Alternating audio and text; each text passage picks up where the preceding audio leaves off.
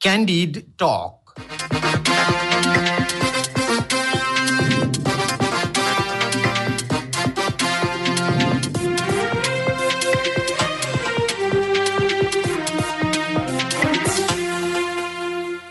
नमस्कार क्यान्डिड टकमा तपाईँलाई स्वागत छ। म धीरज बस्नेत। रेडियो क्यान्डिडको प्रस्तुति कार्यक्रम क्यान्डिड टक तपाईँले शनिबार बाहेक हरेक दिन बिहान साढे छ बजेबाट सात बजेसम्म आधा घन्टा सुन्दै आइरहनु भएको छ। समसामयिक विषयमा कुराकानी हुने यो कार्यक्रम तपाईँले काठमाडौँ उपत्यका र आसपासका जिल्लामा बयानब्बे दशमलव सात मेगाहर्जमा रेडियो क्यान्डिडको आधिकारिक फेसबुक पेजमा हाम्रो पात्रोमा रेडियो क्यान्डिडको एप्स डाउनलोड गरेर र पोडकास्टमा समेत सुन्न सक्नुहुन्छ। अबको चौबिस घण्टापछि स्थानीय तहको निर्वाचन अन्तर्गत धमाधम मतदाताले आफ्नो मताधिकारको प्रयोग गर्नेछन्। अर्थात् मतदान सुरु हुनेछ। स्थानीय निर्वाचन दुई हजार उनासीको पूर्व सन्ध्यामा यसको करिब तयारी पुरा भएको समेत निर्वाचन आयोगले जनाएको छ। यद्यपि धमाधम मतदान केन्द्र बनाउने र त्यसलाई सुरक्षित बनाउने काम भने चलिरहेको छ। यद्यपि हिजो मतदान केन्द्र निर्माण भइरहँदा केन्द्र निर्माणमा केही कठिनाई देखिएको थियो। निर्वाचन आयोगले दुई हजार चौहत्तरको चुनावका आधारमा मतदान केन्द्र निर्माण गर्दा बुथ निर्माणमा कठिनाई उत्पन्न भएको हो। यद्यपि उक्त काम अहिले अगाडि बढिसकेको आयोगले जनाएको छ। निर्वाचनको तयारी कसरी अघि बढिरहेको छ? निर्वाचनलाई सुरक्षित र व्यवस्थित बनाउन आयोगले के कस्तो तयारी गरेको छ? यी र यस्ता विषयमा आज हामी विशेष कुराकानी गर्दैछौँ निर्वाचन आयोगका प्रवक्ता शालिग्राम शर्मा पौडेलसँग। पौडेलज्यू यहाँलाई स्वागत छ क्यान्डी टकमा। हजुर धन्यवाद नमस्कार। सबैभन्दा पहिला चाहिँ निर्वाचनको तयारी करिब सकिएको हो कि अब सक्न केही समय लाग्छ? होइन अब निर्वाचनको सबै तयारीहरू पुरा भएको छ। तर आज गर्नुपर्ने काम केही कामहरू त्यो जुन हामीले सेड्युलमा आज राखेका छौँ ती कामहरू बाँकी छन्। जस्तो अब हामीले अठाइस र उन्तिस गतेको लागि नयाँ मतदाता वा प्रतिलिपि लिन चाहने मतदाताहरूको परिचय पत्र वितरण कार्य बाँकी छ। त्यस्तै अठाइस र उन्तिस गते हामीले स्थलगत रूपमा त्यहाँ खटिएका कर्मचारीबाट मतदाता शिक्षाको कामहरू गर्ने गरी हामीले निर्देशन दिएका छौँ। ती कामहरू बाँकी छन् भने कतिपय ठाउँमा मतदान केन्द्र अथवा बुथ निर्माणको कार्यहरू पनि अधिकांश ठाउँमा सकिसकेको छ भने केही ठाउँमा बाँकी छन्। ती कार्यहरू आज कम्प्लिट हुन्छन्। आज बेलुकासम्म सम्पूर्ण रूपमा तयारी पुरा हुन्छ कि अलि अबेर नै लाग्छ? सबै सबै पुरा हुन्छ हन्ड्रेड पर्सेन्ट पुरा हुन्छ। भएर मात्रै हाम्रा कर्मचारीहरूले चाहिँ अब रेस्ट लिने अथवा आराम गर्ने काम हुन्छ। त्योभन्दा अगाडि सबै कामहरू सकिएर अब सर्वदलीय पनि धेरै ठाउँमा सम्बन्धित उम्मेद्वार अथवा दल अथवा निजका प्रतिनिधिहरू बिचमा छलफल भेटघाटहरू पनि भइसकेका छन् बैठकहरू भइसकेका छन् र केही ठाउँमा बाँकी छन् जुन आज जस्तो निर्वाचन आयोगले यसपटकको निर्वाचनमा खास गरी प्रत्येक मतदान केन्द्र अझै भनौँ मतगणना स्थलमा सिसी क्यामेरा जडान गर्ने भनेको थियो। यो विषयमा फेरि पछि सम्भव भएन भन्ने खाले कुरा आएको थियो। के हो यो विषयमा अलिकति प्रश्न पारिदिनुहोस् न कतिपय ठाउँमा बिजुलीको अभाव छ इन्टरनेटको अभाव छ त्यहाँ चाहिँ त्यस्तो ठाउँमा जहाँ अब त्यो सम्भावना छैन त्यस्तो ठाउँमा जोडिएका छैनन् र अब कतिपय पालिकाहरूमा बजेटको अभाव अथवा विभिन्न कारणले अहिले हामीसँग बजेट नभएको भन्ने कुराहरू गर्नुभएको छ। त्यस्तो ठाउँ बाहेक अधिकांश ठाउँमा हामीले अब हामीले सबै ठाउँमा एक्सपेक्ट गरेको पनि होइन। र जहाँ अलिकति क्रिटिकल छ भाइटल छ अनि ठुला ठुला नगरपालिका महानगरपालिकाहरू छन् हो आयोगको आशय।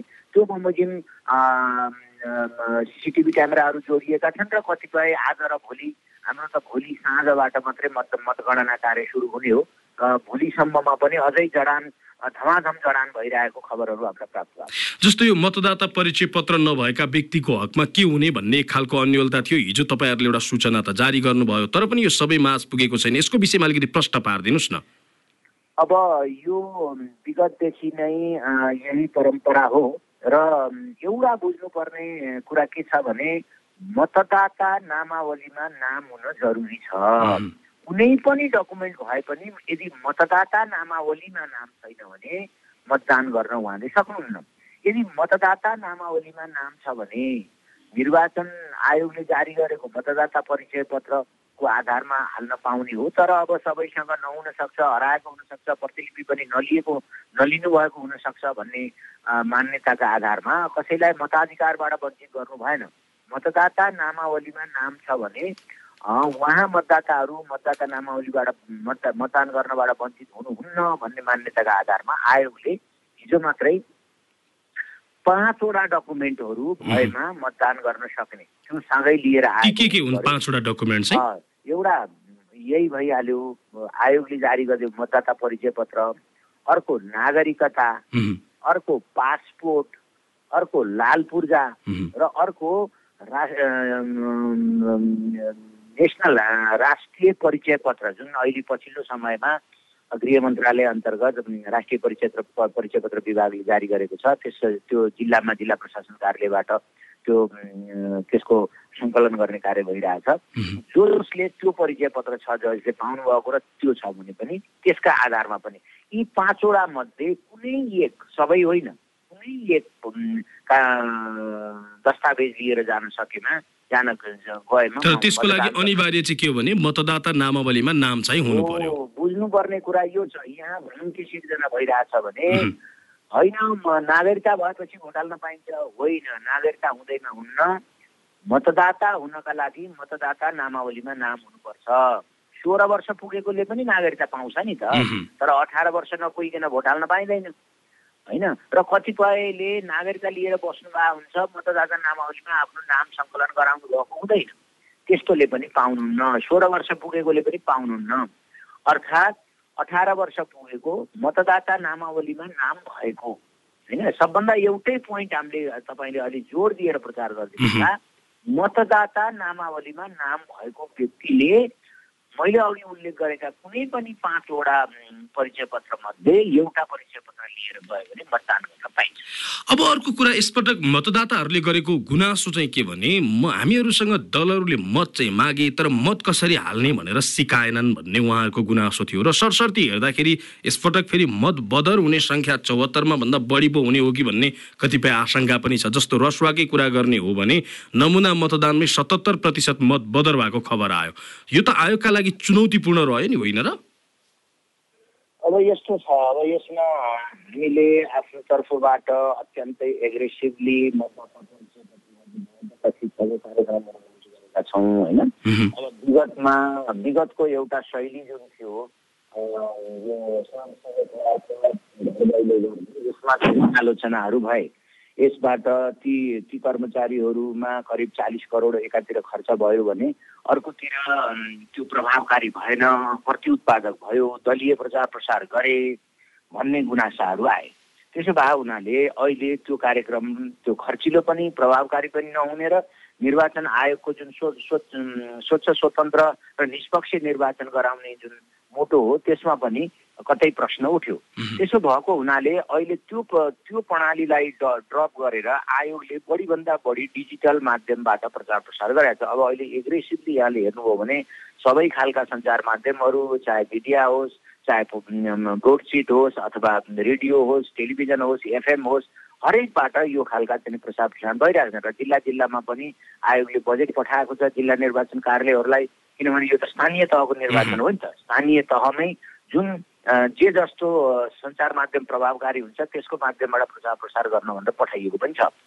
र अब किनभने अहिले करिब एक करोड पैँसठी लाख व्यक्तिको हातमा मोबाइल छ भन्ने डाटा दूरसञ्चारले हामीलाई उपलब्ध गराएको छ।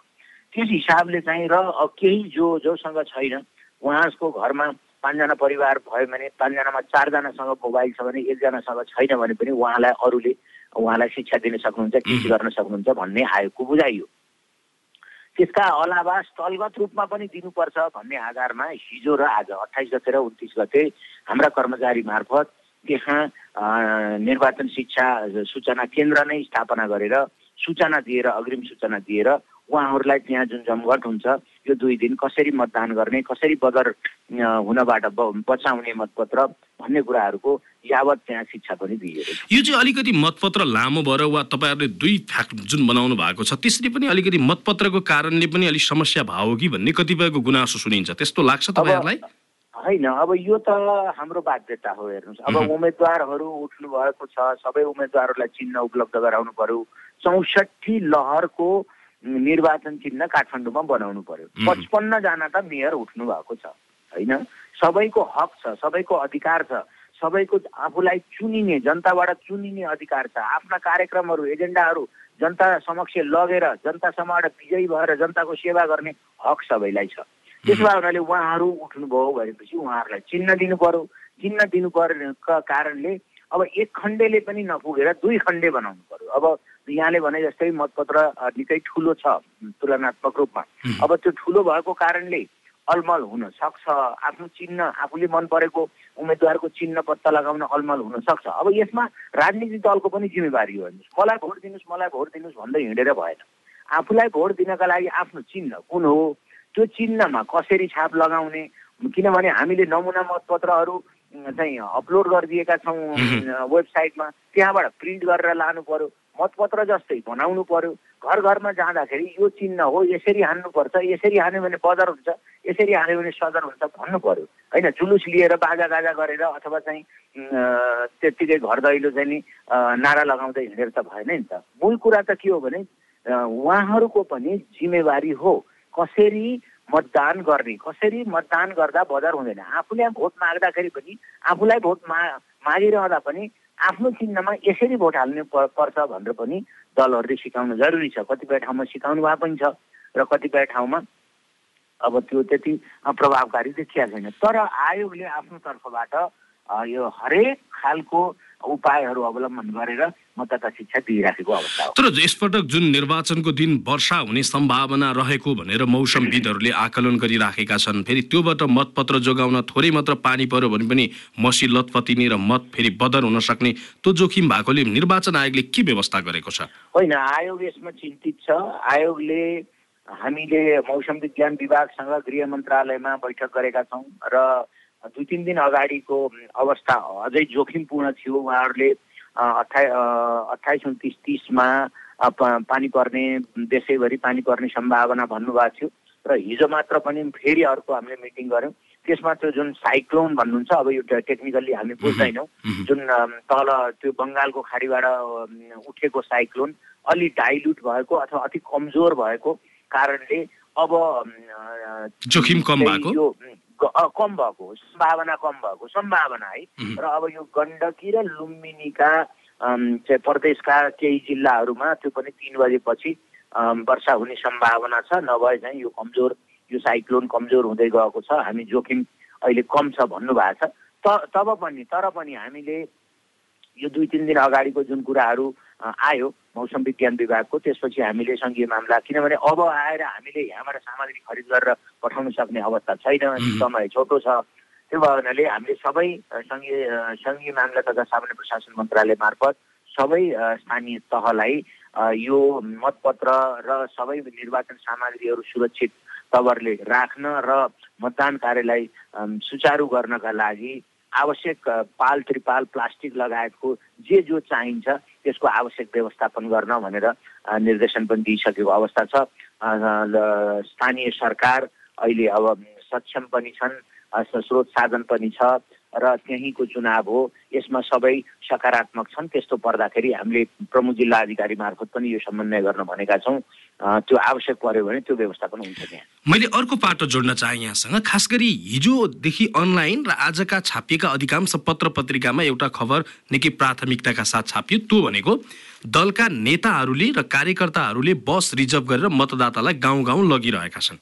मौन अवधिमा यसरी कोही नै दलका नेता कार्यकर्ताले यसरी बस रिजर्भ गरेर मतदाता प्रभावित पार्ने गरी गाउँ गाउँ मतदाता लिएर जान पाउँछन्। निर्वाचन आयोगको निर्देशिकाले नियमले के भन्छ? अब यस्तो अब दलीय कसैले यो मौन अवधिमा आफूलाई मतदान गर्ने प्रयोजनका लागि हिँड्नुहोस् जानुहोस् भन्न त पाइँदैन होइन। अब मतदाता स्वयं मतदान गर्न जान पायो। अब त्यो आयोगले आह्वान गरेकै हो तपाईँहरूले जहाँ तपाईँको नामावली छ त्यहाँ गएर मतदान गर्नुहोस् भन्ने त आयोगले आह्वानै गरेको छ होइन र? तर यसरी जसरी चाहिँ दलहरूले प्रभावित बनाउने गरी बस्ने रिजर्भ गरेर लिएर जाँदाखेरि कुनै दलको नेताले उसले बस्ने रिजर्भ गरेर घरसम्म जाने बन्दोबस्त मिलाइदिन्छ भने त कुनै न कुनै तरिकाले उसलाई प्रलोभनमा पारेको हो नि होइन र?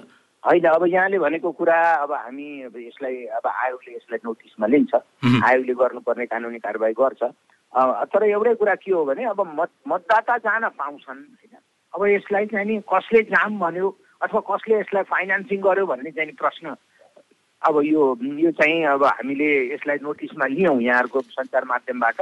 यसलाई आयोगमा आयोग समक्ष म राख्छु यो खालको गतिविधिहरू को कसले गर्यो यसको छानबिन गरेर अध्ययन गरेर आयोगले कानुन बनाउने जस्तो सामाजिक सञ्जालमै दलका यसरी कार्यकर्ताहरूले विभिन्न भातृ सङ्गठनकाहरूले चाहिँ के लेखेका छन्? जस्तो म तपाईँलाई एउटा सुनाउँछु नै किनभने मैले आयोगको प्रवक्तासँग कुराकानी गर्दै गर्दा यति कुरा सुनाउनुपर्छ भन्ने लाग्यो जस्तो काङ्ग्रेसका कार्यकर्ता कृष्ण भट्टले सामाजिक सञ्जालमा लेखेका छन् भीमसेन थापा गाउँपालिका दुईका लागि काङ्ग्रेसले बालाजु चोकबाट गोर्खा हुँदै काया पानीसम्मको यातायातको व्यवस्था गरेको छ भनेर उहाँले यसरी स्टाटस लेख्नु भएको छ। उहाँले मात्र होइन माओवादीको मिलन तामाङले पनि यसै गरी लेख्नु भएको छ। यसै गरी एमालेका नेता कार्यकर्ताहरूले पनि यसै गरी लेखेको भेटिएको छ। जस्तो एमालेको नमबुद्ध काठमाडौँ सम्पर्क मञ्चका शङ्कर गिरीले पनि यसै गरी लेख्नु भएको छ। भोट हाल्न काठमाडौँबाट नमबुद्ध नगरपालिकाको कोट तिलामतर्फ रुटमा जानुहुने काठमाडौँमा बसोबास गर्नुहुने सम्पूर्ण महानुभावलाई यातायातको व्यवस्था गरिएको छ भनेको छ। यो भनेको त उहाँहरूले आफ्नो पक्षमा मत हाल्नका लागि यहाँबाट ओसारे जस्तो देखिन्न र भने।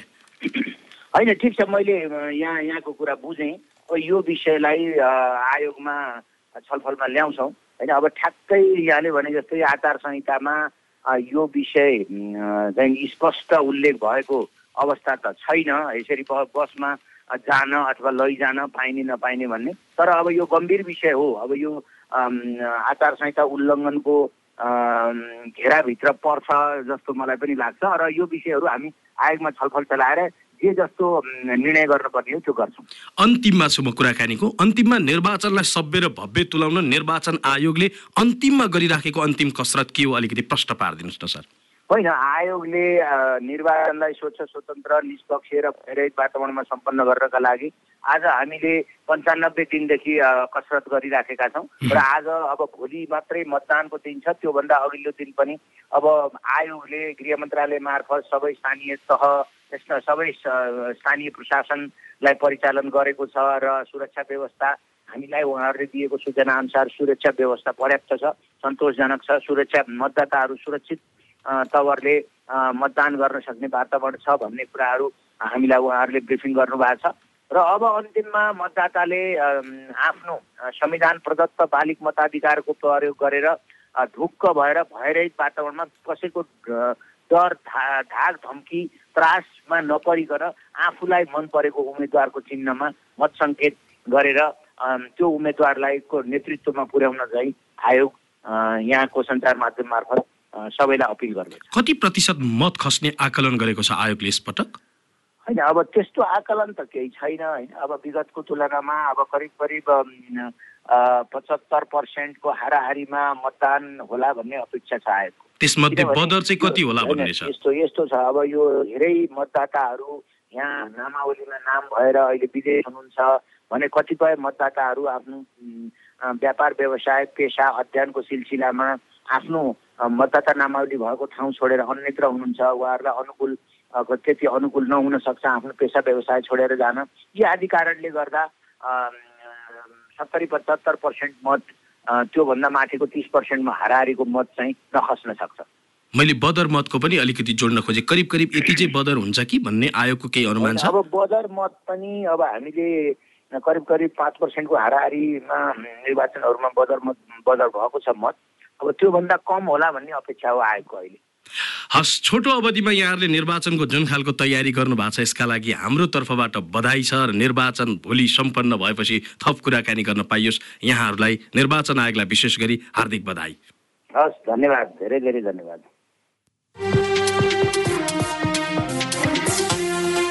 आजको कार्यक्रममा भोलि हुने स्थानीय निर्वाचनका विषयको तयारीका विषयमा विशेष कुराकानी गर्यौं निर्वाचन आयोगका प्रवक्ता शालिग्राम शर्मा पौडेलसँग। हौस् त क्यान्डिटकको यो अङ्क आजलाई यति नै। प्रविधि संयोजनका लागि सशिन्द्र गौतम र सृजना भुजेललाई धन्यवाद। कार्यक्रमबाट म धीरज बस्नेत बिदा माग्छु। रेडियो क्यान्डिड सुन्दै गर्नुहोला। नमस्कार। Candid Talk.